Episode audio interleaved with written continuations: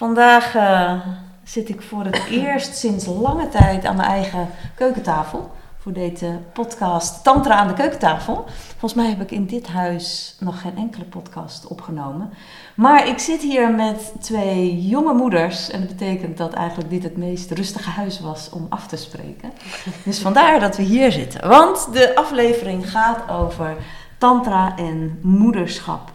Wat kun je als jonge moeder met tantra. Wat, betekent, ja, wat kan het voor je leven betekenen? Als moeder, maar misschien ook als partner, liefdespartner, als vrouw. En ja, voor de vaders die luisteren of eh, de moeders die denken, waar zijn de vaders? Daar komt nog een andere aflevering van. Zelf ben ik natuurlijk ook uh, moeder, maar mijn drie zonen zijn uh, intussen al lang volwassen. Uh, daar zouden we het ook nog over kunnen hebben. Maar ik vond het wel heel erg leuk om jullie uit te nodigen. Twee tantrika's, mag ik jullie zo noemen. Die uh, een, kort, een, stuk korter moeder zijn dan ik. Maar die wel um, eerst tantra in hun leven hadden. En daarna moeder werden. En bij mij was het andersom. Dus uh, welkom, Jora. Dankjewel. Yes. ik begin eigenlijk altijd met, ja, waar kennen we elkaar van? Nou, dat is bij jullie denk ik alle twee ongeveer hetzelfde. Jora, jij was als eerste op mijn pad, ja. volgens mij.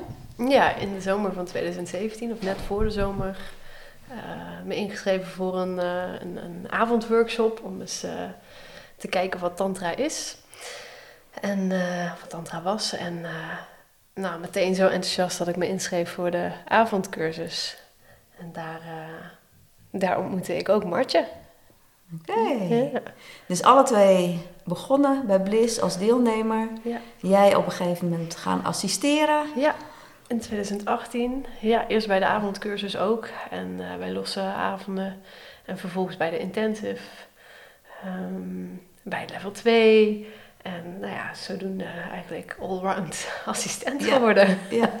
En dat op een gegeven moment ook weer afgerond. Ja, en weer losgelaten. losgelaten. En Martje Rond die tijd stapte jij erin of zijn jullie nog samen? Net hetzelfde. Ja, we hebben, nou ja, toen jij zwanger was van je eerste, hebben we de intensive ja. samen geassisteerd. Ja. Ik ben in dezelfde, oh, dezelfde zomer als Jora begonnen, inderdaad, ja. bij Bliss. Ja.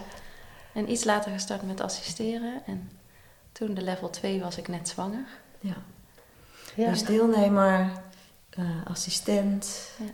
En nu een cursus begeleiden. En nu een cursus begeleiden. Voor jongeren. Yes, precies.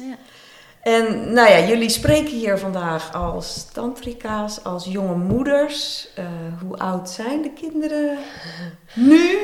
Ja, Jora. Ja, Roos is nu, uh, nu net negen maanden. Aha. En, uh, ja, negen maanden dus. Ja, en Hartje? Ella is net drie geworden en Timo is net één. Ja.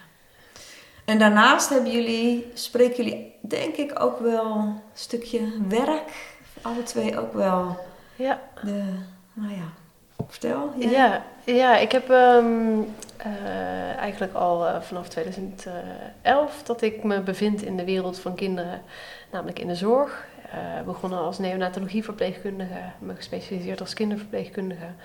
hechtingsspecialist met docent babymassage opleiding gedaan. En um, nou, dat is zich eigenlijk alleen maar gaan uitbreiden. En nu ben ik uh, gezinscoach en kinderverpleegkundige bij het consultatiebureau. En uh, daarnaast heb ik een eigen praktijk als uh, ja, gezins-ouderschapscoach. Dus mm-hmm. ik ben daar fulltime mee bezig met kinderen. Ja, en jij Martje? Ja, ik ben pedagoog van achtergrond. Ja. En heb daarna nog maatschappelijke opvoedingsvraagstukken gestudeerd. Uh, en ik ben nu werkzaam als beleidsadviseur en dan meer richting het onderwijs. Maar het moederschap heeft in mij ook wel weer de liefde voor opvoeding en de mm. vorming in je gezin en je jonge jeugd heeft dat wel heel erg aangewakkerd. Okay. Ja. Nou, voordat we naar het uh, thema gaan, hebben we altijd het, uh, het tantra-voorwerp. en um, jullie kwamen een soort van op hetzelfde voorwerp uit. Dus uiteindelijk hebben we hier één voorwerp, wat jullie alle twee in huis hebben. Meerdere. Ja. Meerdere zelfs.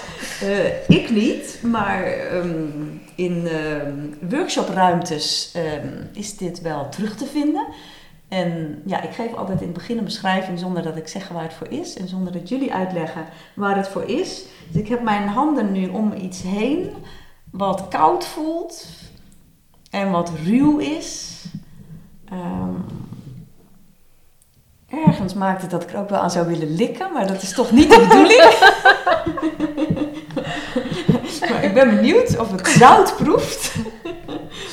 Ehm, ja, het ziet er heel natuurlijk uit, maar ik moet wel zeggen, er zit ook iets aan vast. Een, een, een nou ja, laat ik maar zeggen, een draad. Met iets wat ergens in kan. Eh, ja, en dit is het geluid wat erbij hoort. Oh, wacht even bij de microfoon. Ja. En daar staat het op tafel. Dus het paste net tussen mijn handen, qua grootte. En eh, op Instagram zetten we dan altijd even een fotootje. Niet vergeten om zo meteen te maken. Ja. Nou, komen we straks op terug. Het thema. Ja, wat ik al zei, toen ik mijn kinderen kreeg, ehm, was ik nog niet actief met tantra bezig. Ehm, dat begon ongeveer toen mijn oudste, mijn jongste zoon drie was. Maar het duurde nog wel een hele tijd voordat ik iets van een link kon zien tussen alles wat ik op die, re- waren met name retreats die ik deed, wat ik daar leerde en thuis.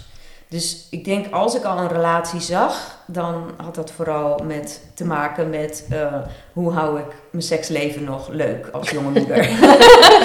dus eh belangrijke vraag misschien, maar het gaf wel aan dat ik in die tijd best wel nog een beperkte visie had op wat tantra is. Zoals veel mensen in het begin denken van het heeft vooral met seks te maken. Dus dat was voor mij in die begintijd toch ook wel.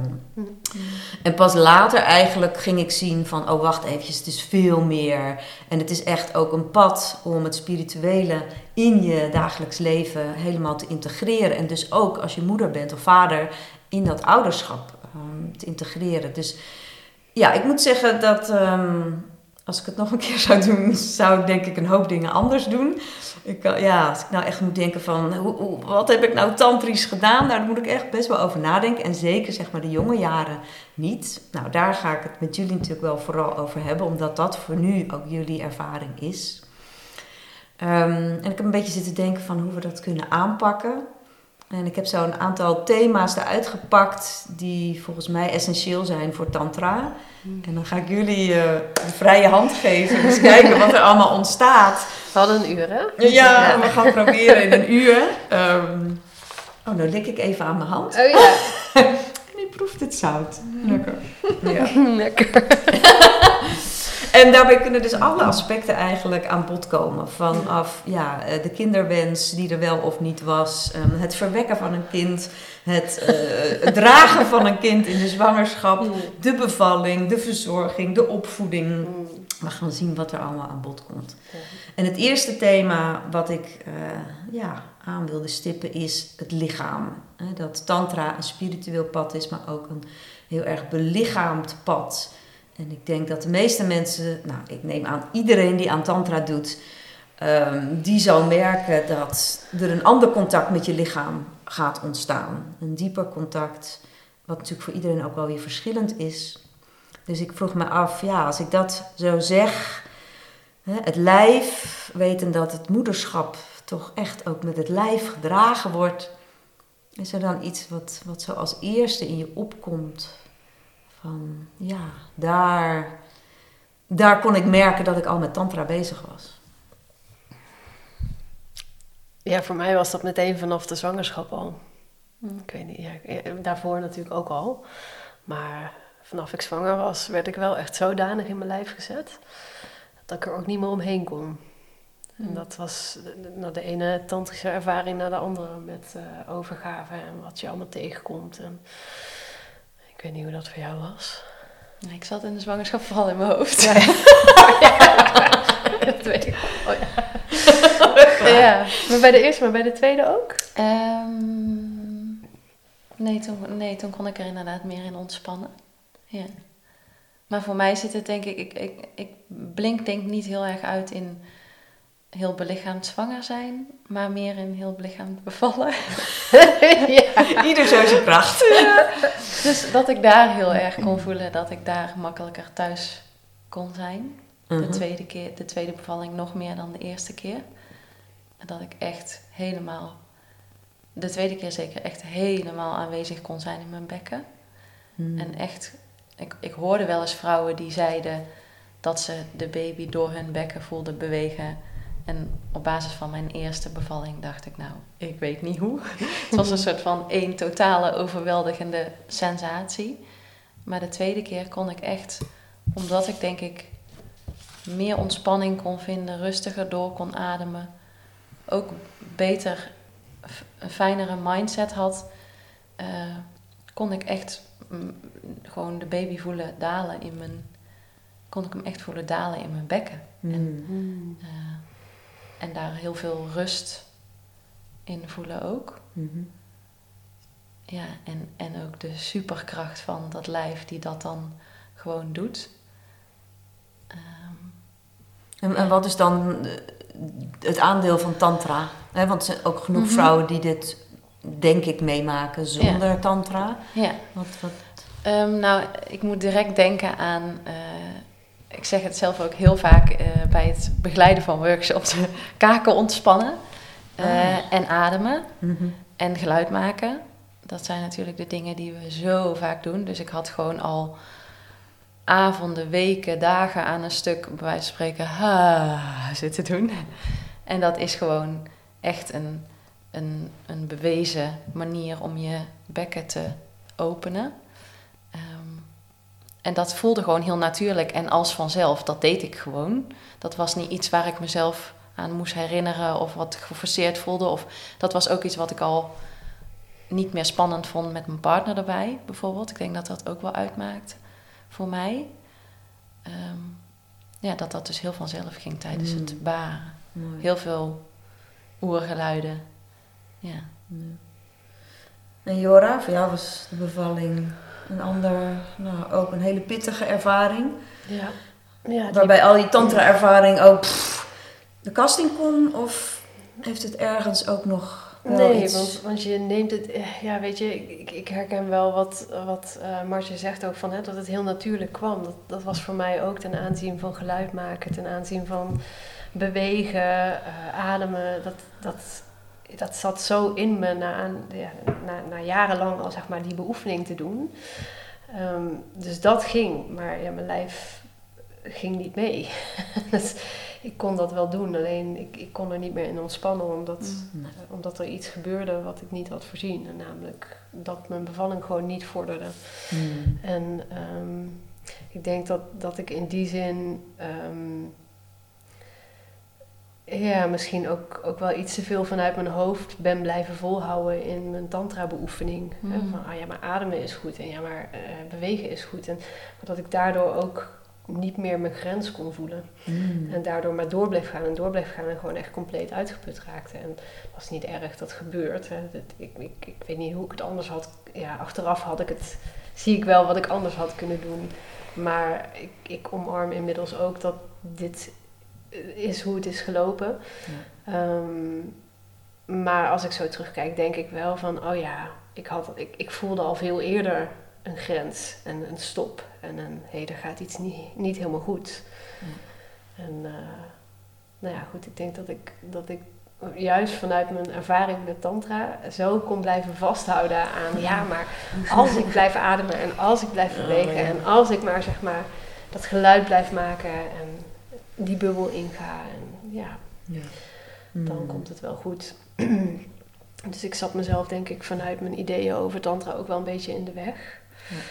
Ehm, vanuit de overtuiging dat het ook echt, echt is wat helpt. En nou ja, dat, dat is ook wel wat ik zo bewonder aan het eh, beval, de bevalverhalen van, van Martje. Eh, die ik ook voor mijn bevalling al wel eh, heb mogen horen. Ehm, ja, dat, dat is wel hoe, hoe ja, dat is denk ik wel de kracht die lichaamswerk kan hebben tijdens een bevalling. Hmm. Als je daar echt in volle overgave in kan zijn. Ja.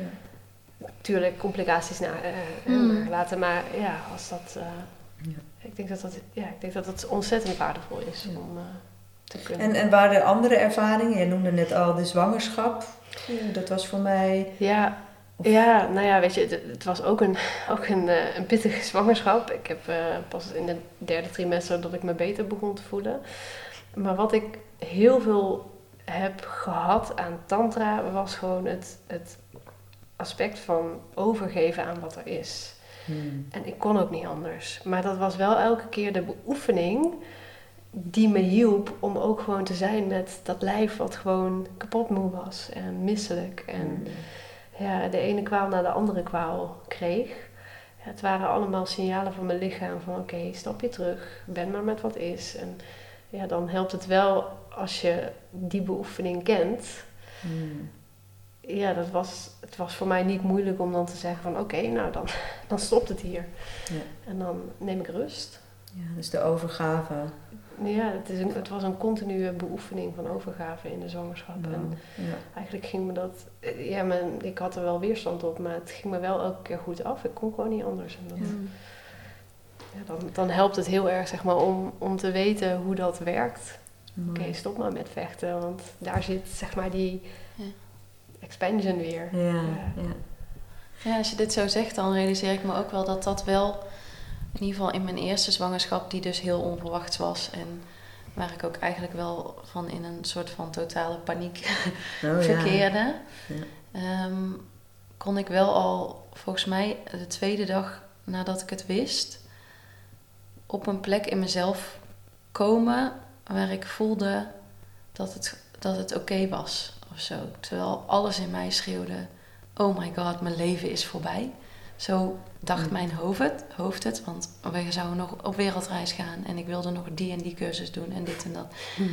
En, ehm, dus er was aan de oppervlakte een soort van totale paniek en chaos en weerstand. En, en als ik naar een andere laag in mezelf kon gaan, en ik denk dat, ik, dat dat dan toch ook ergens was in mijn lijf, of in ieder geval de rust in mezelf, dat ik dan voelde, oh nee, maar het is goed, ik laat het gebeuren. En dan was er overgave. En Hmm. elke keer, ik denk in de zwangerschap, ging ik weer even, kon ik daar even weer contact mee maken. En dan, boem, dan ging ik er weer uit en dan was ik weer in de chaos en in de paniek.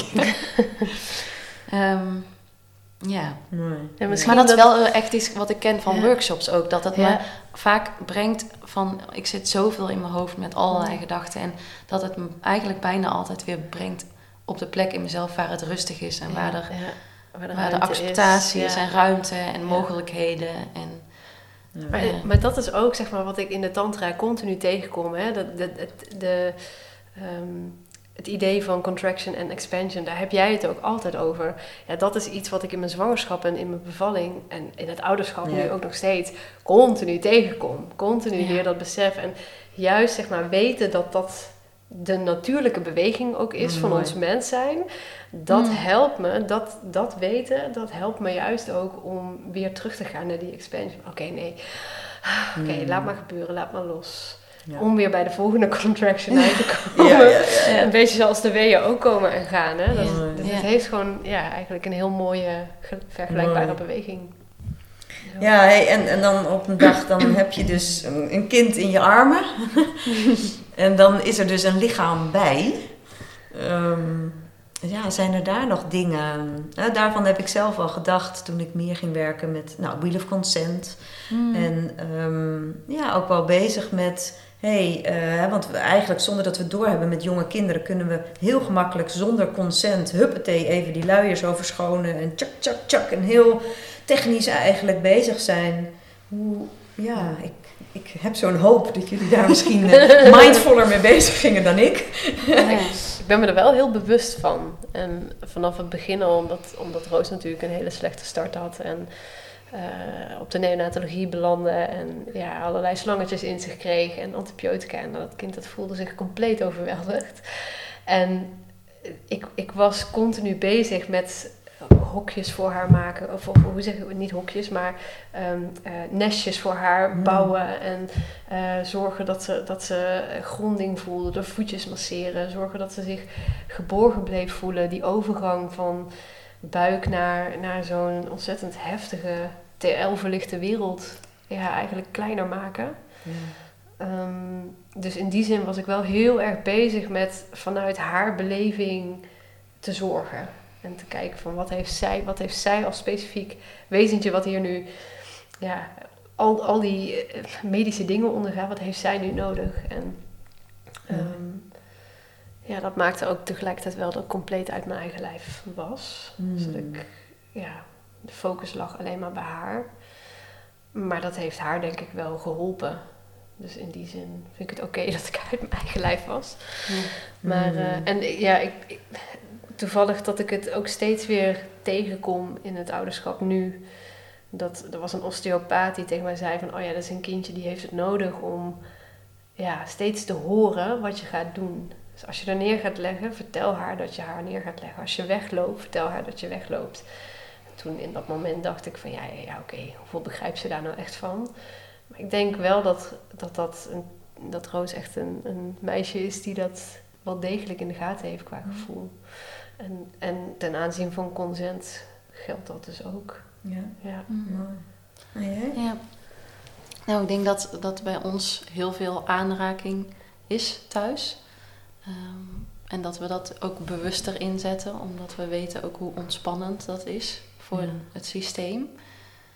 En Mark die heeft bijvoorbeeld echt al vanaf best heel klein, voordat hij haar naar bed bracht, dat hij haar dan op allerlei, elke keer weer een beetje op een nieuw plekje bijvoorbeeld ging kriebelen of zo. Mm -hmm. En dat zij dan echt, het is ook zo mooi om te zien met hoeveel aandacht, dat is eigenlijk de gedroomde deelnemer van een tantra workshop, zeg maar, met hoeveel aandacht ze dan aan het voelen is eigenlijk. En helemaal in zich op aan het nemen van, oh, wat gebeurt hier? En dan aan het kijken naar die hand waar ze dan overheen gekriebeld wordt. En dan gaat ze op een gegeven moment ook zeggen waar ze dan, ging ze echt, nou toen was ze denk ik anderhalf of zo, ging ze al zeggen waar ze dan wilde, ging ze aanwijzen en zo.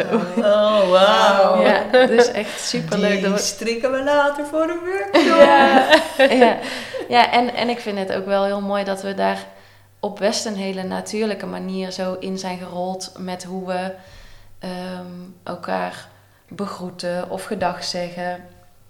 Dus dat als uh, dat, dat mijn behoefte daarin niet voorop staat. Dus we zijn volgens mij als mm. samenleving best wel makkelijk geneigd om als een kind een, niet een kus wil geven. Ah, toe, geef je mama niet een kusje. Zo, om dan nog een beetje te gaan manipuleren als je zelf een verlangen voelt om je een kus te krijgen van je kind of een knuffel. Mm, en daar merk ik dat we eigenlijk allebei echt super strikt en alert op zijn. Dat we dat eigenlijk nooit doen. Dus soms ja. dan geef je gewoon een knuffel en dan ontstaat dat in het moment. Maar dan als zij verkrampt of zo, dan is het ook direct klaar. Maar als er, als er een soort afstemming is, ochtends als ik naar mijn werk ga, dan vraag ik eigenlijk bijna altijd: wil je mama nog een kus geven? Of wil je mama ja. nog een knuffel geven? En soms zegt ze nee. Best vaak eigenlijk. en dan denk ik, oh shit, dat vind ik jammer. maar dan, is dat, dan, doe, dan doe ik het daarmee. Dan is dat helaas pindakaas voor mij. Maar dan vind ik dat wel echt super belangrijk om dat te respecteren. En dat is eigenlijk ook vanzelf zo gegroeid met de opa's en oma's. Of ja, dat, nou ja, daar hebben we denk ik wel een beetje op aangestuurd. Zo van, nou wil je opa of oma nog een kus geven? Of een knuffel? Of een, of een zwaai? Of een, Hmm. Dus dat, dat we al die opties geven en dat ze dan zelf mag kiezen. En Hmm. dan kan het dus ook elke keer weer anders zijn. Ik denk ook echt dat die basis voor consent nu gevormd wordt. Ja, Hè, als ze zo jong zijn. Ja, wat jij nu vertelt, ja, ik, ik kan me zo voorstellen dat het voor een kind zo belangrijk is om te ervaren dat een grens gerespecteerd wordt. Dat ze niet iets moeten doen alleen omdat, omdat de ander dat wil. Want ze zijn daar zo gevoelig voor. In die Ja, je leert eigenlijk als een kind Ja. een onderbuikgevoel heeft van... oh, ik wil het niet en het Ja. wordt toch van je verwacht... en je gaat daar overheen, dan normaliseer je dat dus. Ja. Ja. En dat is wel- wat we weten ook Ja. in de seksuele opvoeding van kinderen... dat dat Ja. niet Nee. helpend is. Ja. Hmm. Laten we de overstap maken naar het tweede thema. Voelen en emoties. Hmm. emoties? Ja, precies. Ja. Nooit van ik denk, nee, precies, nooit van gehoord. Dat kennen wij niet. nee, ik denk dat, dat iedere ouder het ergens kent. Tenminste, dat hoop ik. Dat, dat je hart ook helemaal openbarst. En dat je denkt, wow, dit is zo'n gevoel voor een ander wezen. Ik wist niet dat dat bestond. Eh, soms is dat gelijk. En er zijn natuurlijk ook mensen waar dat ook echt wel bij moet groeien. Ehm, dus dat is één, van het hart dat open gaat en de vreugde. Maar ik denk dat we ook allemaal alle andere kanten ook kennen. Van al, nou, het hele spectrum aan, aan gevoelens en emoties. Ja, daar ontkom je gewoon volgens mij niet aan als ouder. Ja, tenzij er verlichte wezens zijn of zo. maar zelfs die, Mhm. als je die in het ouderschaps, eh, ouderschap gooit. Dus waar, waar denken jullie gelijk aan? Van, van waar, waar, wat roept het ouderschap allemaal in je op? En waar heb je dan nog ergens iets aan tantra? Want tantra geeft wel degelijk allerlei tools van Ja. hoe daar Ja. naar te kijken, mee om te gaan. Ja, ik voel mij op dit vlak echt nog zeer onverlicht. Ja, het is de beste test, hè? De mensen die denken dat, Dat ze verlicht zijn, ja. van één, ga een liefdesrelatie aan. En, dan, en twee, krijg een kind. En dan kijken hoe het dan nog met je is. Of een weekend weg met je familie van herkomst. Ja, dat is ook nog. Ja, Trek weer terug in bij je ouders of zo. Ja, ja, dat is ook waar. Ja. Ja, maar nee, inderdaad, ik heb, het, ik heb soms op een dag echt dat ik gewoon. Soms schrijf ik het ook op, omdat ik s'avonds bij het avondeten me al niet meer kan herinneren hoe vaak ik van totale extase en liefde naar gewoon mijn kop tegen de muur willen slaan ben gevlogen, zeg maar. en ik hoop al, ja, ik weet niet. Ik, soms, ik heb niet altijd het gevoel dat mensen dat herkennen. Dat gevoel van, dat ik echt helemaal vandaag ook weer dan eh, ja, gewoon op één dag een knuffel verloren onderweg naar het consultatiebureau. Dus, dus de hele weg terug weer die knuffel gezocht en daarna een kind totaal in tranen. Dat je zelf al baalt van die reis en dan ook nog ruimte moet maken voor die emoties en daar heel liefdevol en eh, met mededogen naar kijken. En dan, eh, wat gebeurde er nog meer? Oh ja, vlak voor, in de chaos van koken en eten klaarmaken. Een glazen potje wat op de grond kapot knalt, wat je dan moet poetsen. En dan zijn ze even lekker in de kamer aan het spelen. En dan heeft ze op de vloer lopen stiften. En dan... Dit verzin je allemaal gewoon echt niet. En dan, en dan wil ik allemaal heel... Ik, ademen is wel echt mijn redding. Dus gewoon... Oké, maar ik kan ook zo vaak mezelf niet beheersen. Dat ik echt denk... God, God, dat ik echt gewoon helemaal pissig ben of gefrustreerd. Of dan Mm. onvriendelijk doe. En bozig en snauwend. En dan denk ik, oh, dan, ja, dan voel ik me ook wel een beetje een heks soms. Een Kali. Een kali, ja, echt inderdaad zo de allesvernietigende energie voel ik dan echt. En die, die ken ik van mezelf. Ik, ik zei al wel vaker over mezelf, ik heb een lage frustratietolerantie. Dat is een soort van equivalent van dat gevoel van, ik maak iets kapot. Ehm, maar het moederschap heeft mij daar echt nog een soort van totaal nieuw universum van laten zien. zeg maar, waar aan de ene kant inderdaad het universum van die liefde ook ongekend was en daar kon ik me geen voorstelling bij maken, is dat idem dito voor de intensiteit van machteloosheid, frustratie, eh, moedeloosheid, al dat soort. Maar Jorre, jij herkent dit niet, toch? Hè? Nu komt even de andere verhaal. Nee, dit is echt super herkenbaar en, en helemaal mijn pad nu ook voel ik. Ehm, waarin tantra, dit is echt een fase in mijn leven waar tantra me echt de redding eh, schept. Hoe zeg je dat? Biedt. Want ehm, ja, eerst was het natuurlijk ook nog, ja, dat, het wordt je niet makkelijk gemaakt als vrouw met al die hormonen. Want ja, je gaat ook gewoon, je wordt echt gewoon een, nou ik ben echt wel een andere versie van mezelf tegengekomen die ik waarvan ik dacht van, oh, ik dacht dat ik dit allemaal netjes altijd goed kon beheersen. Maar die Kali, eh, maar ook zeker de catharsis van de dynamic, die komt regelmatig voorbij. En gewoon het, het alles verwoestende ja, aspect van die energie, daar ben ik wel heel erg van geschrokken. Maar tegelijkertijd, ja, ontladen die handel. Zorgen dat je het uit je systeem krijgt, zodat je er doorheen kan bewegen in plaats van het onderdrukken, onderdrukken, onderdrukken. Want ik denk dat we daar ook echt wel sterren in zijn geworden in onze samenleving. En Hoe doe je dat dan? ja, Praktisch? ehm, kind neerleggen, naar de logeerkamer lopen, op het matras lopen, eh, rammen, Mm. eh, met kussens tegen de muur gaan slaan, gillen in de kussens, zorgen dat ik echt, nou, even helemaal door mag draaien van mezelf. Mm. En ehm, echt schreeuwen tot ik schoor ben in de kussens. En, en ja, de energie daar echt volledig uit gooien. En vervolgens ademen. En voelen van, oh ja, de piek is eraf. En nu kan ik weer terug. Ja, die twee minuten dat ze dan huilt. Ja, niet leuk, maar dat Mhm. liever dan dat ze ofwel mijn onderdrukte woede voelt, ofwel dat ik te ver ga. Mhm. Ik ben daar nooit bang voor geweest in de zin van ik ga haar iets aandoen. Die, die angst die heeft daar wel altijd gezeten, maar ook altijd het bewustzijn van oké, zo ver gaat het niet komen. Maar ja, zo, de- om het niet zo ver te laten komen, moest ik het wel ontladen. Mm. En, en vooral voor mijn partner was dat soms wel even schrikken. Mhm. Die kon wel echt denken van, wat gebeurt er? En ja, tegelijkertijd zo bevrijdend. Zo Ja. lekker. Ja, zo... als je het jezelf kan toestaan. Want ik Mm. heb het ook wel gedaan, alleen dan voelde ik me een soort van. Ik had daar wel heel erg een oordeel over bij mezelf. Als ik dat dan. Als ik zeg maar zo ver in mijn frustratie was dat ik dat dus voor mijn gevoel nodig had om niet eh, het op een andere manier te botvieren, dan voelde dat niet als iets goeds om te doen of zo. Dus Nee, het heeft voor mij ook niet... Het, het was ook niet dat ik er... Dat ik er vrolijk in... Nee, ja, vrolijk was ik sowieso niet. Maar het was ook niet dat ik zeg maar dacht van... Of dat ik achteraf geen gevoelens van schaamte ervaarde. Mm. Want dat, dat heb ik wel degelijk... Ja, degelijk gevoeld. Maar... Ja, ook wel gezien hoe ontzettend nodig het was om, om het uit mijn systeem te krijgen. Omdat ik anders...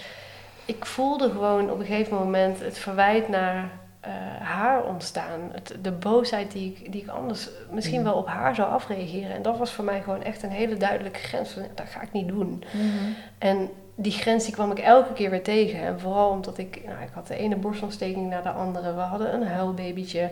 En Roos heeft het echt heel zwaar gehad. En nou ja, dat vraagt gewoon ontzettend veel. Ik denk dat het ouderschap überhaupt al veel, al veel vraagt. Maar als je dan ook nog een babytje hebt wat gewoon zo niet lekker in zijn vel zit. Dat heb je met Mhm. Ella natuurlijk ook ervaren Mhm. met de reflux. Dat, ja, dat, het vraagt het uiterste. Zo heb ik het echt ervaren Ja. met het slaapgebrek. En ja, Ja. ik, ik heb in één week tijd, ik geloof tien uur geslapen. Ik kon niet meer. Ik was zo kapot. En het enige, het zat allemaal zo aan de oppervlakte. Het kwam er gewoon uit. Ja.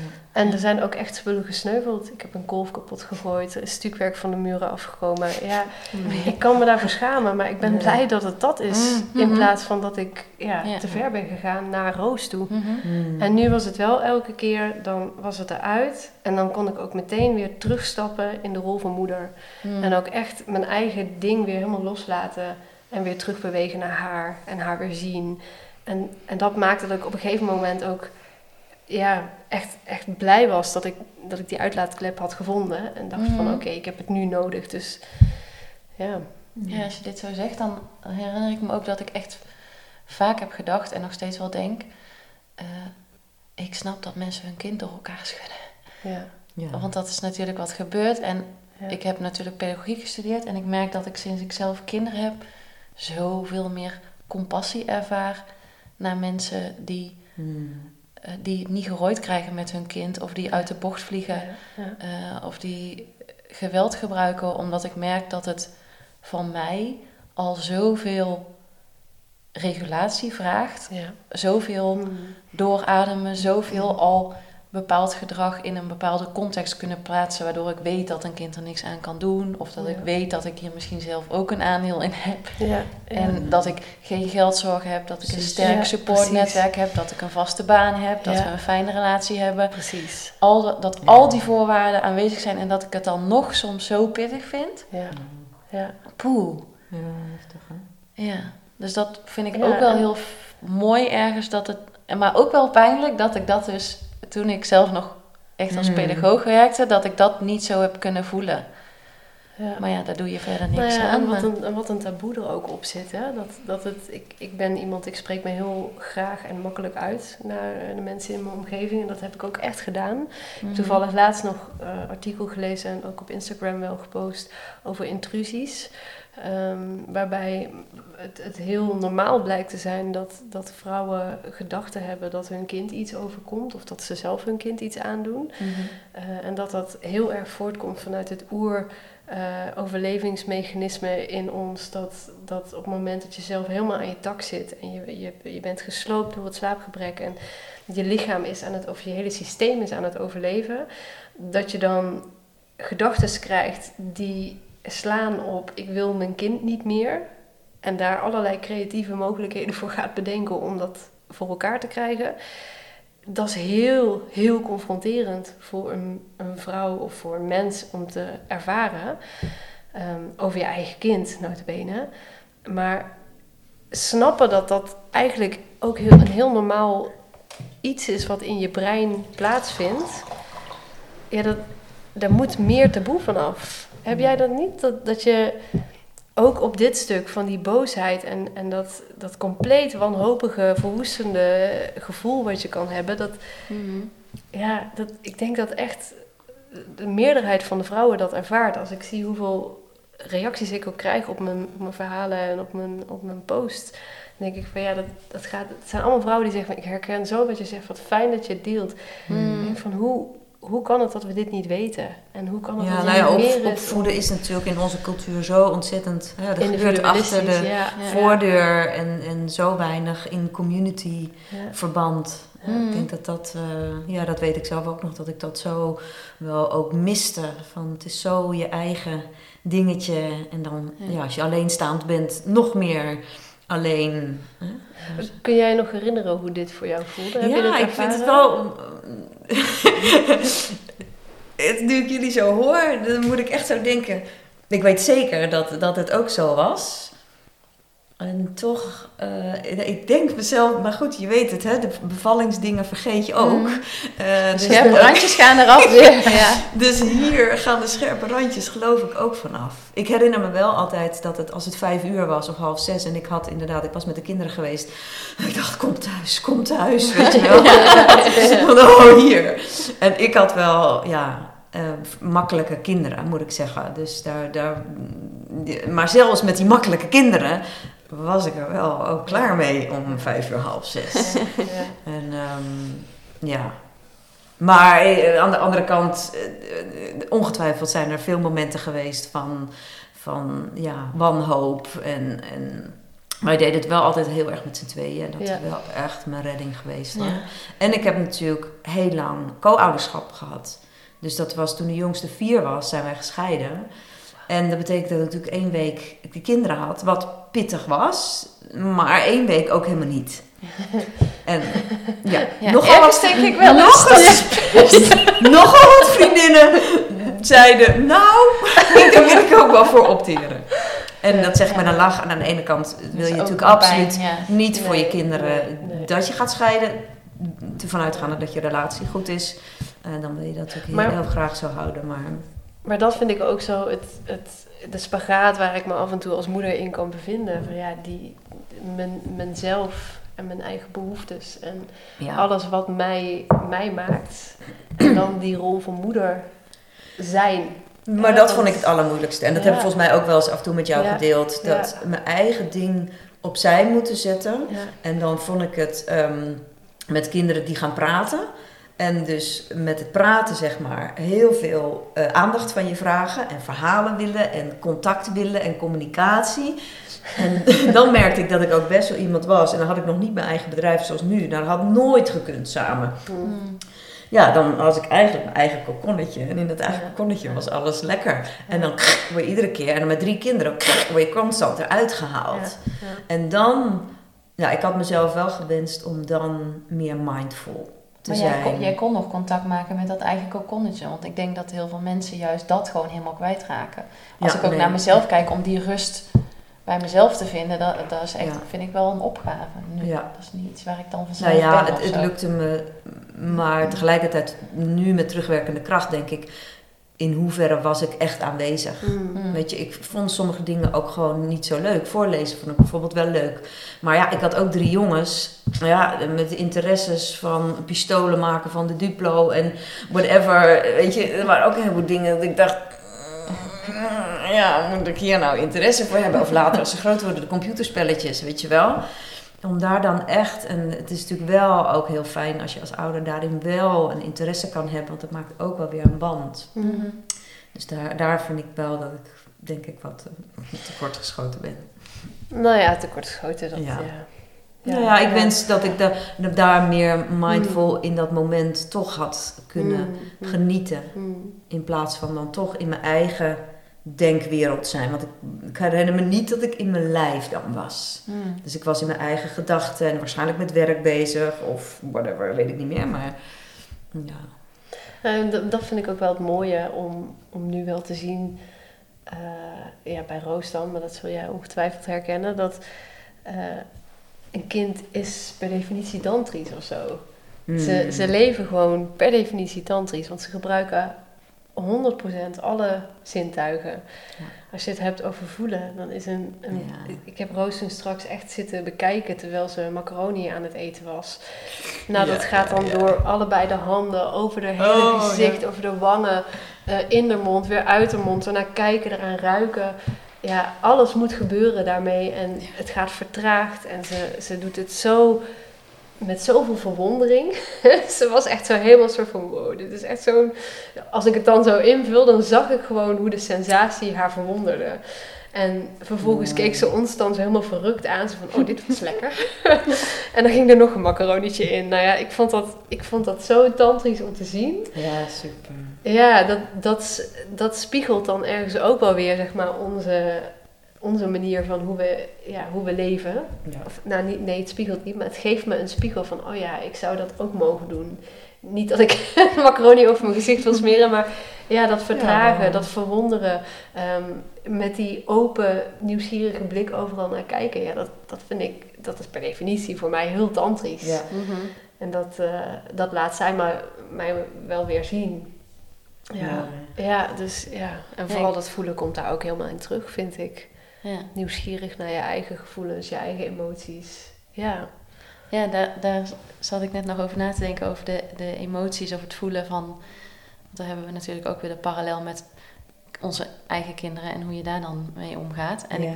en het feit dat, dat ik dat dus, of wij dat misschien nog best heel ingewikkeld vinden... om met die emoties te dealen, of dat het zenuwstelsel eigenlijk zo snel in een soort van stresstoestand komt... Ehm, Volgens mij weten we steeds meer hoe goed het eigenlijk, of hoe nodig het voor kinderen is om zichzelf te reguleren. Dat ze eerst geco-reguleerd worden. Dus dat je eerst als kind helemaal mag ontspannen in de aanwezigheid van je ouders. En dat als er heftige emoties zijn, dat je eh, daarin gedragen wordt, letterlijk en figuurlijk. Dus dat je niet Mm. alleen gelaten wordt met je Mhm. verdriet of met je angst ja. in je bedje, in je kamertje, in je uppie. eh, of met je driftbui die jou totaal overspoelt als peuter. Eh, dat je eh, op de gang wordt gezet of eh, gezegd wordt van nou doe jij maar even normaal. Ja. Ehm, en, en dat we ook als in de rol van assistent kan me nog heel goed een moment herinneren dat er iemand in een retreat hele, echt helemaal in tranen was. En dat ik daar alleen maar bij heb gezeten en haar hoofd op mijn schoot had Mm. zwanger toen. En dat ik toen dacht van, oh, volgens mij is dit het gevoel van als moeder gewoon helemaal ru- ruimte bieden aan de emotie van je kind, zonder Ja. dat er iets weg hoeft of dat er iets veranderd moet of iets op, opgelost. Ja, echt dat space holden. En dat ik dat dus ook wel meeneem in, dat lukt me lang niet altijd, maar als ik zie dat zij echt verdrietig is, of dat we eigenlijk bijna altijd proberen om daar ruimte voor te maken en ruimte aan te geven. Of driftbuien weet ik dat dat ook voor heel veel mensen echt wel heftig is van, oh wat moet ik doen? Of hoe kan ik zorgen dat het stopt? En dat ik echt wel een paar keer heb gehad dat ik daar gewoon naast kon gaan zitten en Ja. gewoon liefdevol aanwezig was. En zelf heel vaak gewoon vooral bezig ben met zelf doorademen, zelf zorgen dat ik rustig blijf. Want het kan mij ook direct opfokken, wetende dat dat is wat zij nodig heeft om zelf te leren om rustig te worden. En dat, Het is wel mooi natuurlijk die driftbui, hè? want we doen soms wel eens het emotietheater. Hè? En dan mogen de volwassenen in de groep eigenlijk eh, die driftbui van toen nog eens eventjes zelf ook. ja, schreeuwend op Ja. de grond. Ja, of stampend. En Ja. ja, ik denk wel dat je daar echt eh, ja, een enorme meerwaarde naar je kind kan hebben om Eh, toe te staan. Ik, ik zou zelf zeg maar ook weer in een omgeving buiten, zou ik weer snel heel erg geconfronteerd worden met mijn eigen schaamte. Ja. Hmm. En, en angst voor wat vinden mensen hiervan. Maar binnenshuis ehm, ja, heb ik dat ook wel geprobeerd in de tijd. Mhm. Ook al wel. Ik denk dat dat echt heel mooi is. Ja. Ja. Ja. ja, maar ik ben wel heel erg benieuwd. Stel, hè, want ik, ik heb nu zelf een paar keer ervaren dat ik het even niet kon spaceholden. En dat ik haar dus even weg moest leggen om mezelf eerst, eerst even te reguleren voordat ik haar weer kon co-reguleren. Mhm. Ehm, hoe ervaar jij dat dan op zo'n moment als je er even niet kan zijn?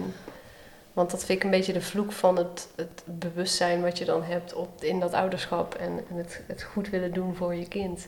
Mhm. Ja, dat er ook een ontzettend schuldgevoel kan zitten op ja, geconfronteerd worden met hoe ver je zelf nog niet bent. Ja, als het niet, dat het niet lukt Dat het niet lukt. Ja. Ja. hoe ga jij daarmee om?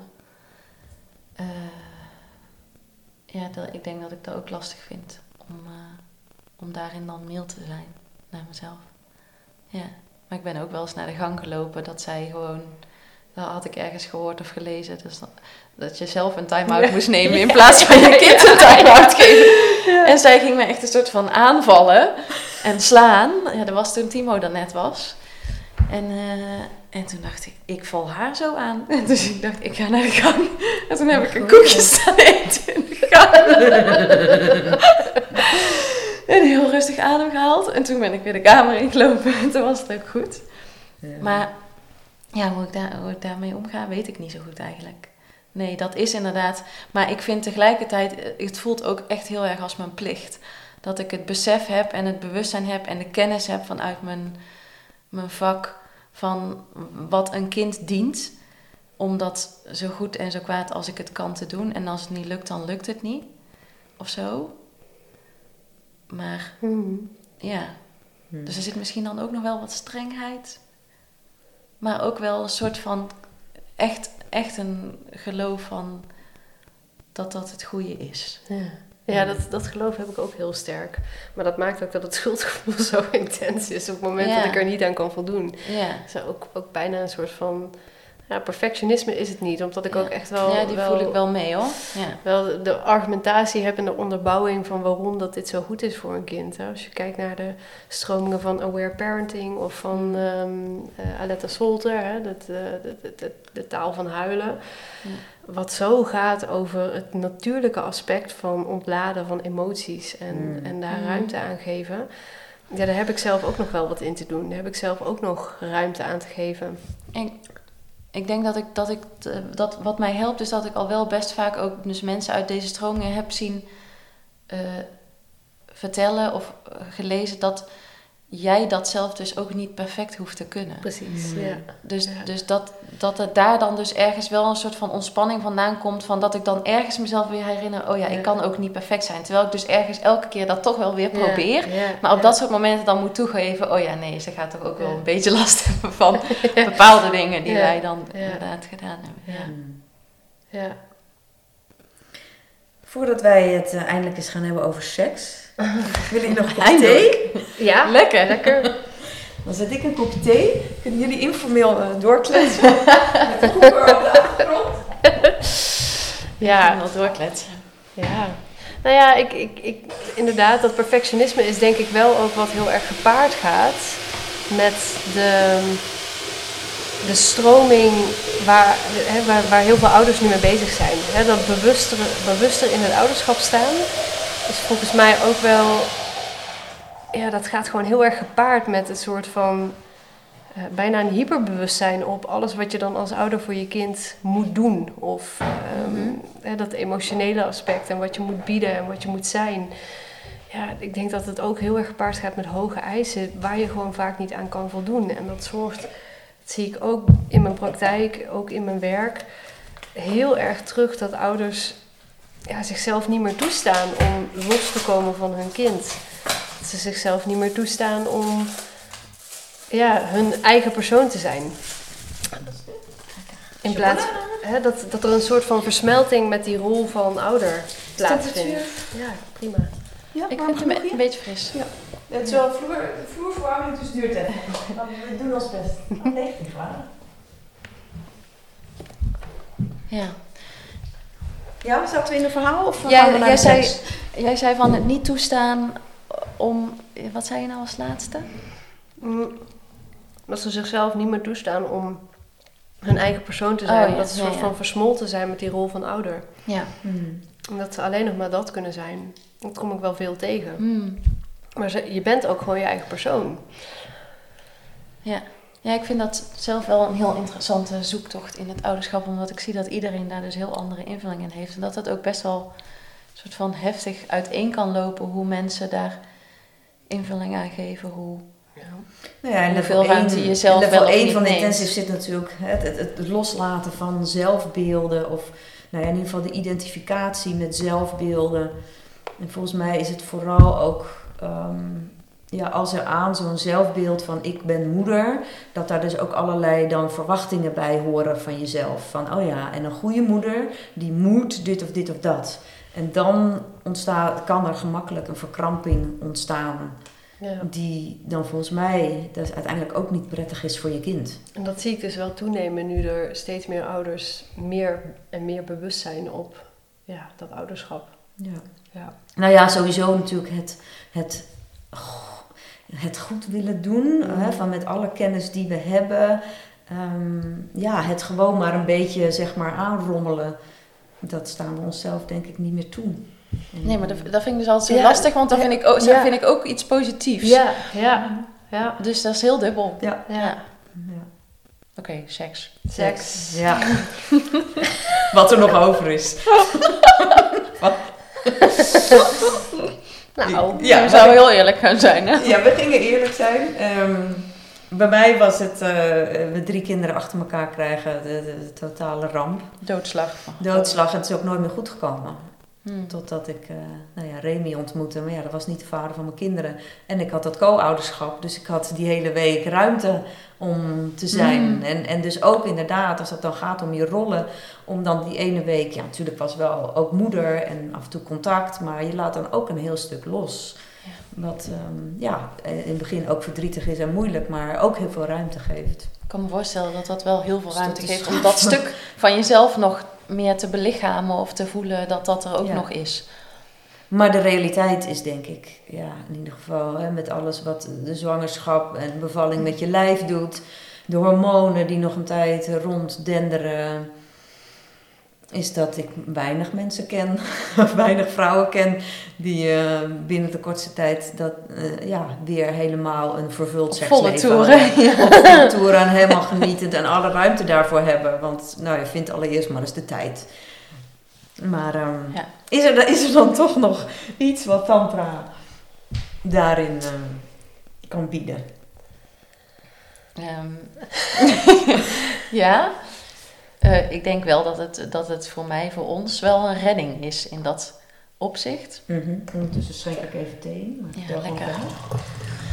Ehm, nou, ik denk wel omdat we dus al. eh, ik denk ten eerste omdat we makkelijker kunnen ontspannen, denk ik, in dat het er, als het er even niet is, een poos.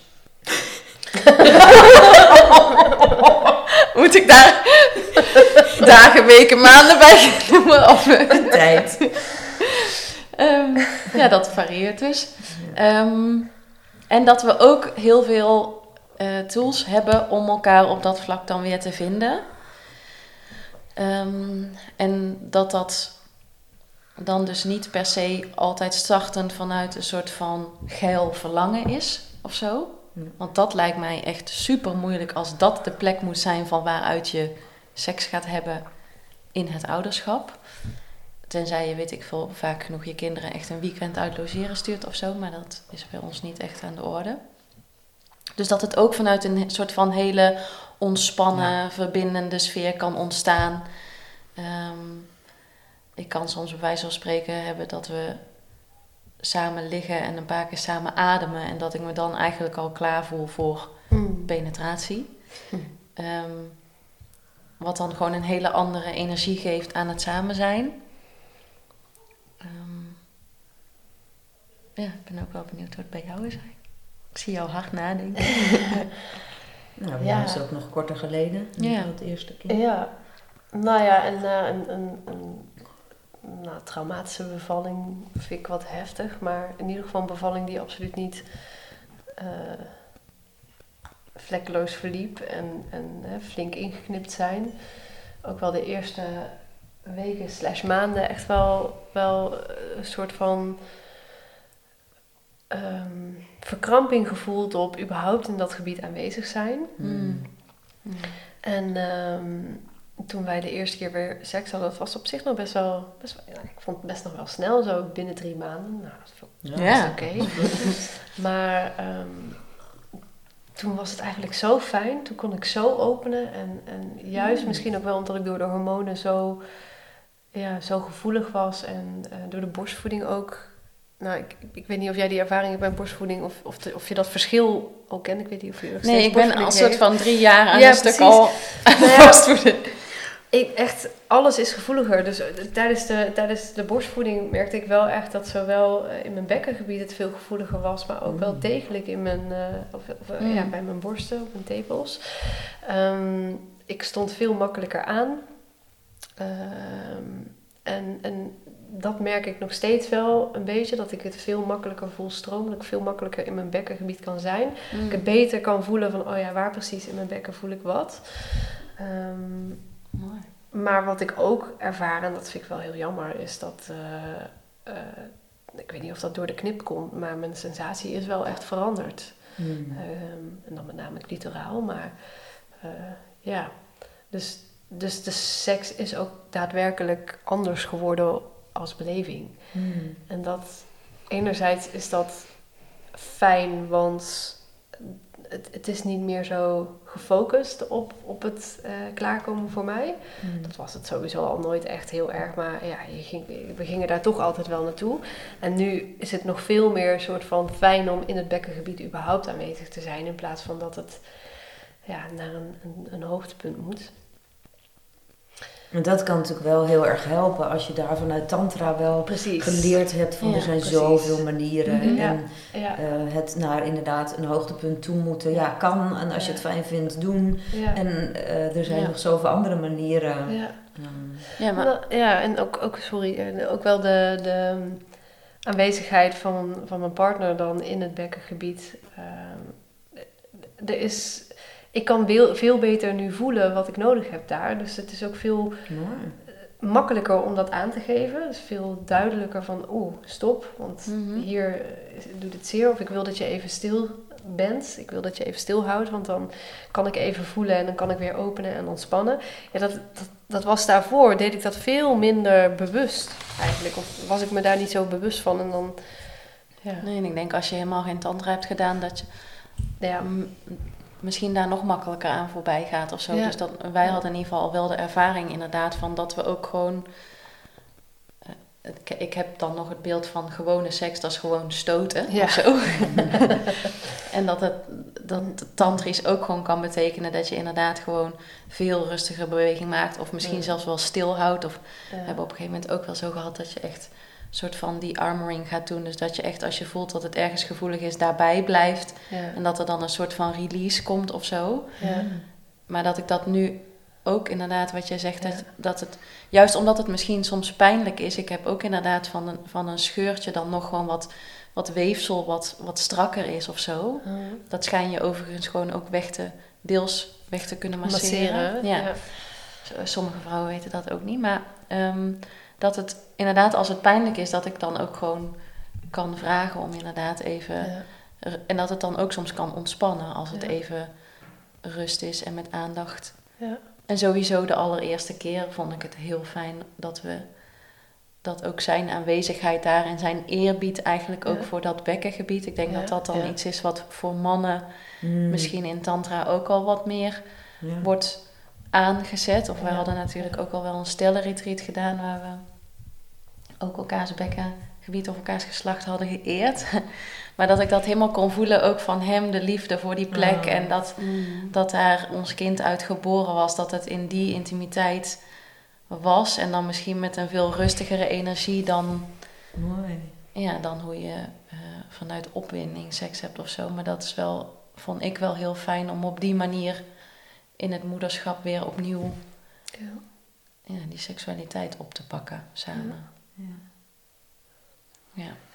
Ja, ik merk ook wel dat ik, dat ik hem ook veel beter kan ontvangen en dat ik daardoor ook beter begrijp waar ehm, eh, de, de, de tantrische seks, of hè, als je het zo dan wil noemen, eh, over gaat. Dat het de ruimte die nu in, in mijn yoni is ontstaan, of in mijn bekken is ontstaan, daar voel ik nu veel meer ook zeg maar, de vrouwelijke energie, waarbij zeg maar, de mannelijke energie dan komt. En ik, ik kan dat veel energetischer voelen nu. Hmm.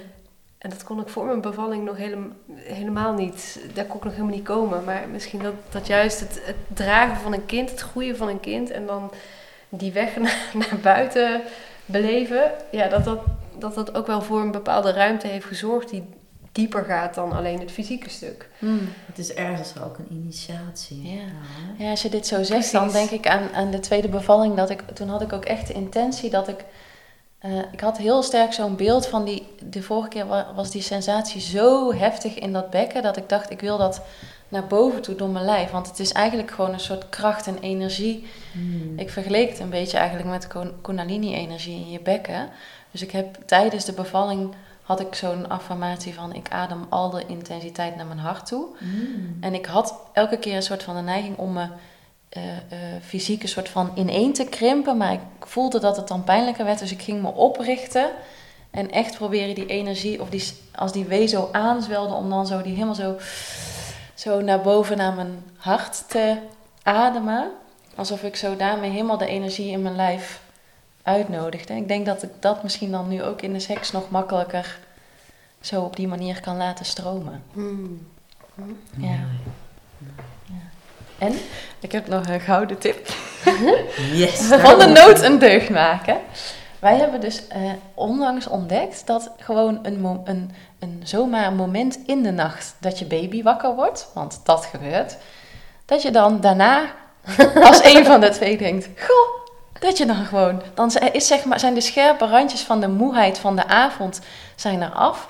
Dus dan heb je al een paar uurtjes slaap gemaakt. En je mind is wat minder actief Ja, dan overdag.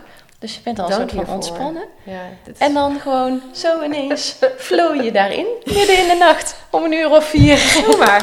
Je mist wel een uurtje slaap. Maar Oké, ik, ben nog waard? niet op het punt dat ik dat al kan verdragen. Dus, maar ik, ik neem hem mee. Neem hem mee, neem ja, hem mee. ja, wel echt een hele goeie inderdaad. Ja. ja, ik heb hem Ja. nog nooit ergens gehoord, deze tip. Nee. Heerlijk. Nou, eh, wij zitten intussen op een uur. Ehm, misschien is het goed om naar een afronding te gaan. Zijn er Mhm. dingen... Nou, ook wel benieuwd wat als jij zo terugkijkt. ehm, hè, als, je, als je nu alsnog.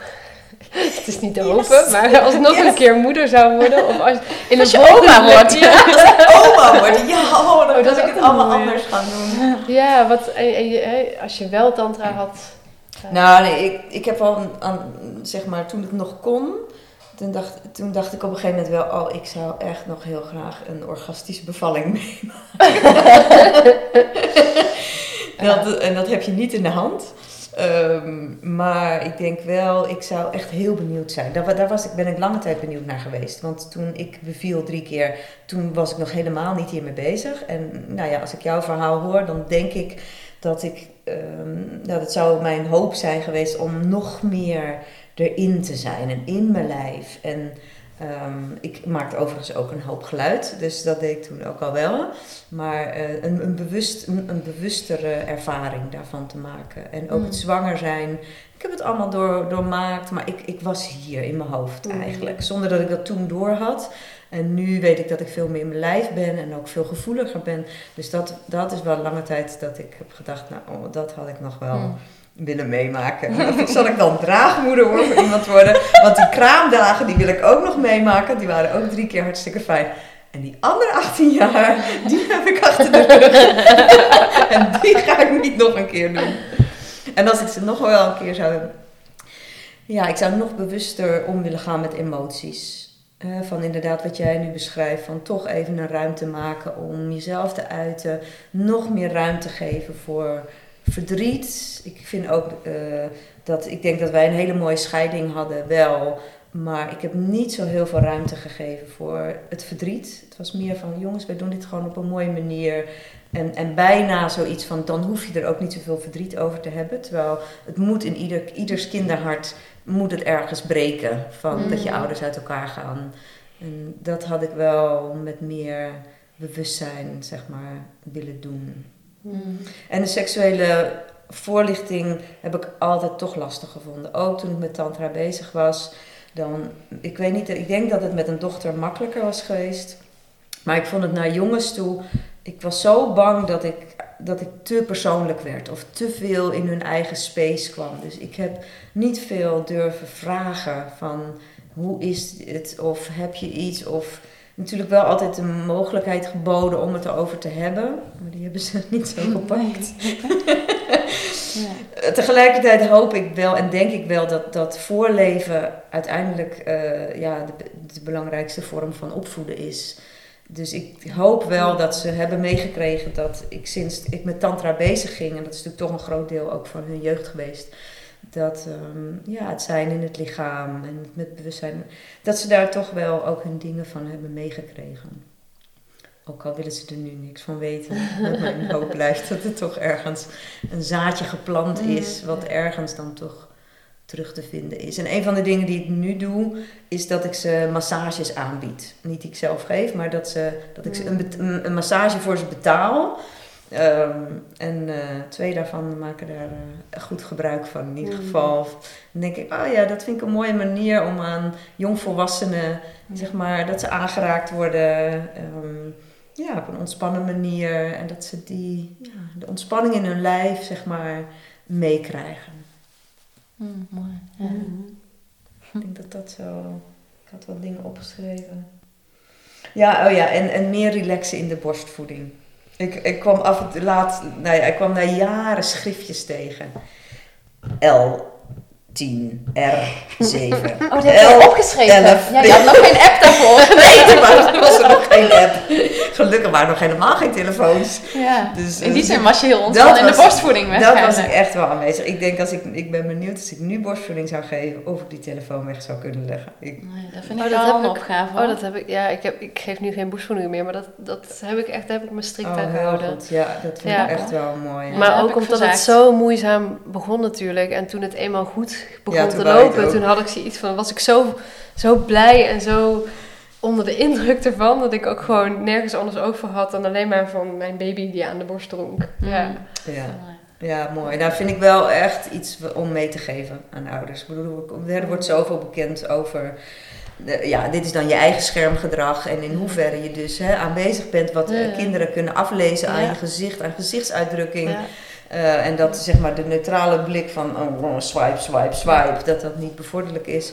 Maar ook ja. natuurlijk de kinderen zelf met hun beeldschermen. Ik Ja. bedoel, hoe makkelijk is het? Hè? Je, je kind is even onrustig en geef maar iets in de handen. En op een gegeven moment is dat ook een beeldscherm. Ja.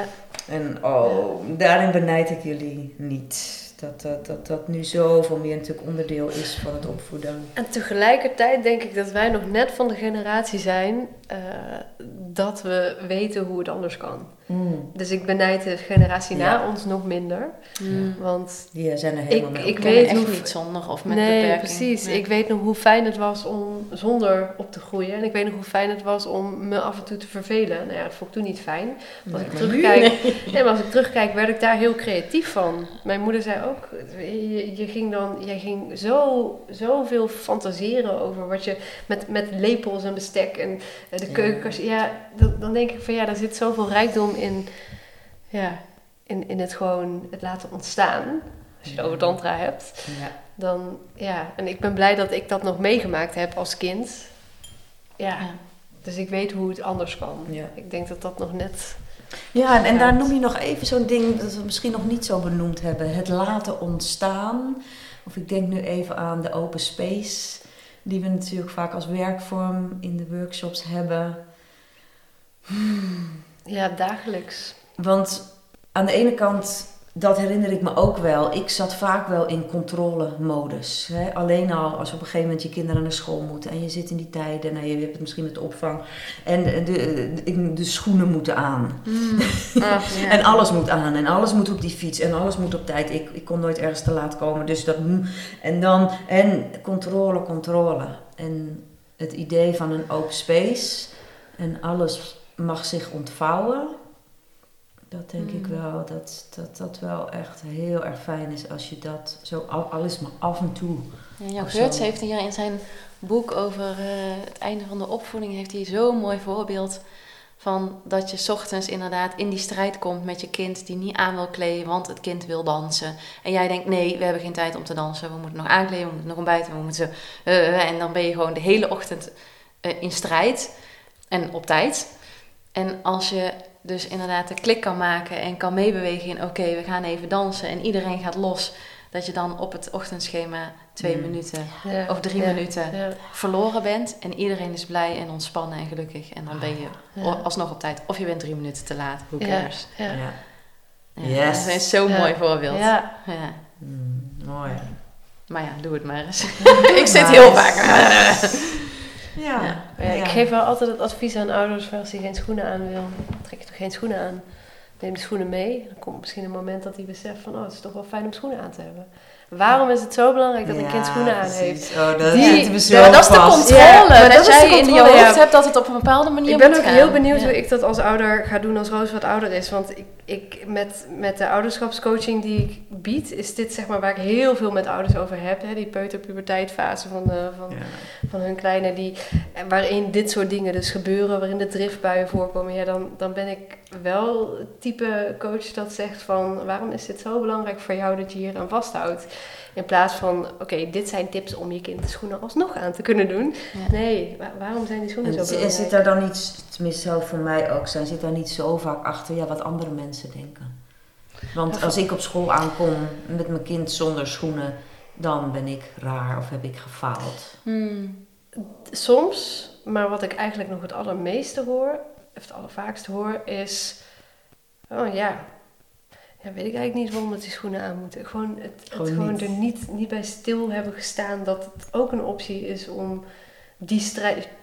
Pick your battles. Ja. om die strijd niet aan te gaan. Nee. En, en ja, dan de ene keer wel, de andere keer niet. Ja, we, we, hebben, we hebben echt behoefte aan kaders in ons hoofd. Ja. Die kun je scheppen aan je kind. Ja. Maar hoe het kind het invult, dat, ja, Hmm. daar mag meer ruimte komen, denk ik. Ja. Hmm. Ja, en ik, ik heb wel dat ik de, de grootste machteloosheid ervaar als het dingen zijn waar een soort van geen optie is of zo. Hmm. Ik probeer inderdaad me soms te herinneren van ja, oké, ik had bedacht dat het zo moet, maar dan gaat het dus zo. Daarvan, dat, dus ik laat heel vaak los, waarvan ik ook wel eens merk dat ik dus meer strijd met haar heb, want Mark is het gewoon baf, het is zo. en dat accepteert ze dan. Ja, Ehm, maar dat het bijvoorbeeld is dat ze dan iets gaat doen wat niet de bedoeling is of gevaarlijk is, terwijl ik Timo zit de borstvoeding te geven, bijvoorbeeld. Oh, ja, ja. Of dat ze dan Ja. Mm. een, een, een helemaal zichzelf had ondergescheten met de broek en al. En dat ik haar dan ging verschonen op de bank, want Timo was ook beneden en kon Ja. even niet boven.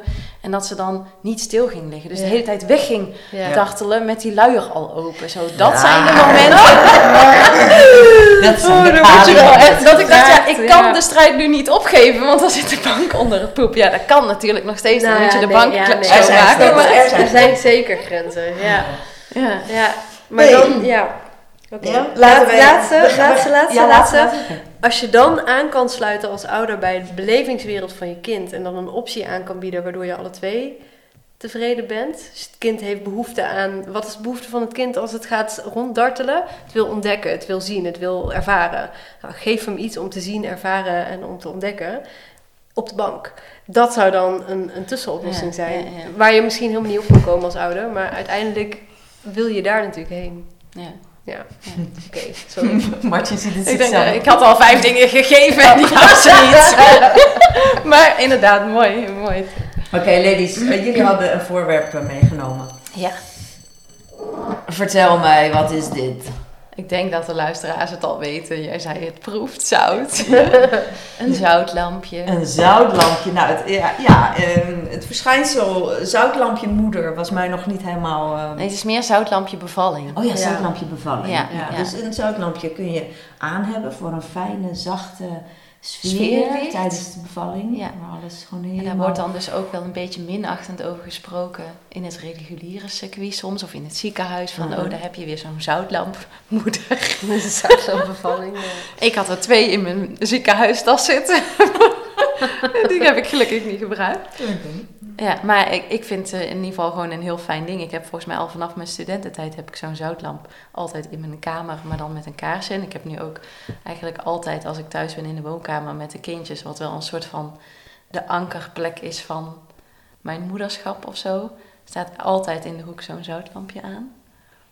Ja, en, en bij de bevalling dus ook, want dat was ook in de huiskamer.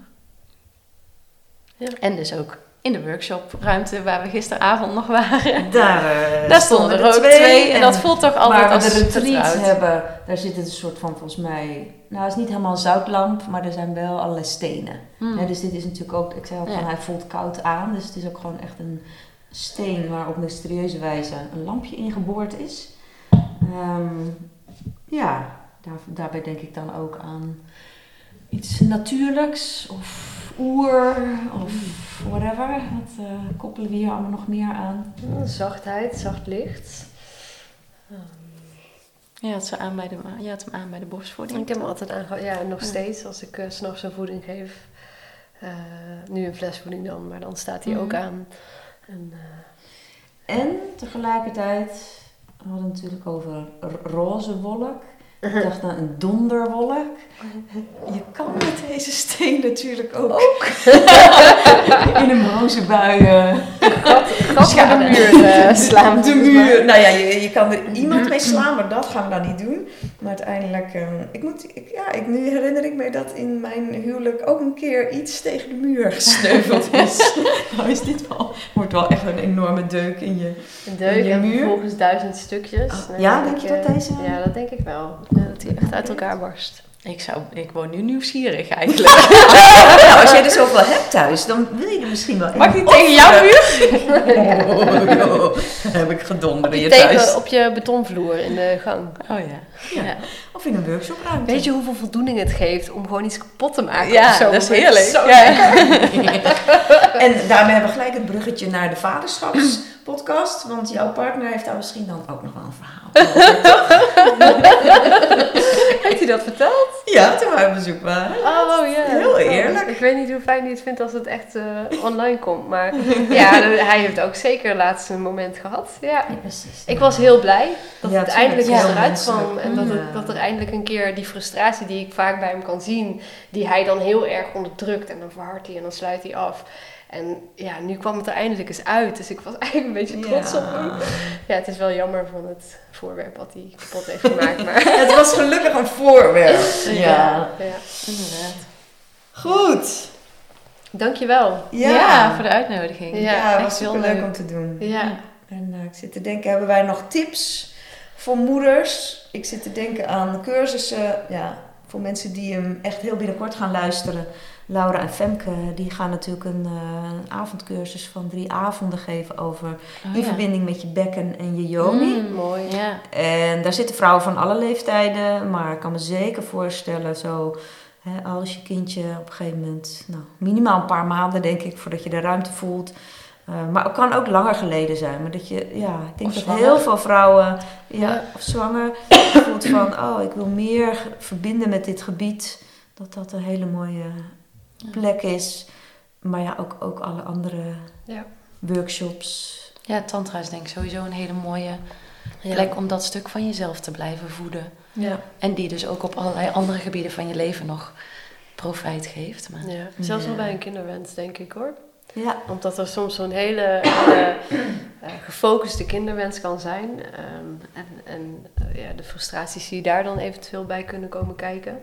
ja, ook daar kan Tantra natuurlijk al ja, een bepaalde basis in geven. Waardoor je meer mee kan bewegen met wat er is, wat zich Ja. aandient. Ja. Op zijn minst een stukje verwerking van het feit dat er nog geen kindje is. Mm. Dat, eh, Ja. Ik denk dat Tantra daar al heel erg mooi bij kan ondersteunen. Ja. Top. Misschien moet er een keer een workshop komen. dan assisteer ik wel. Dan doe jij hem geven, dan assisteer ik wel voor moeders. Gewoon Ja. moeders die in, helemaal aan de tak zitten. Ja. ja. En dan een verbod op eh, last minute afmelden. Ja, Ja. ja, Want, precies. eh, ik ben toch te moe. Nee, Afmeldboete. komen. Ja. Afmeldboete, ja. En dat kan je doen. Je doet de prijs dubbel zo hoog en je krijgt de helft terug als je komt opdagen. Nee, maar dat is wel zo. Van, gun je jezelf het om te gaan? Of denk je, nou, weet je, ik ben... En, en voor jezelf kiezen is ook goed, maar dan zou ik zeggen, kies voor jezelf door Ja. naar de workshop te gaan. En Ja. daar ruimte voor jezelf te Ja. creëren. En dat is Ja. wel wat veel vrouwen dan toch wel weer, ja, Ja. echt wel in moeten oefenen. En soms is ruimte voor jezelf, ruimte voor je kind. Ja. Ook dat is waar. Ook dat is Ja. waar. Absoluut. Oké, dank jullie wel. Yes. Ja.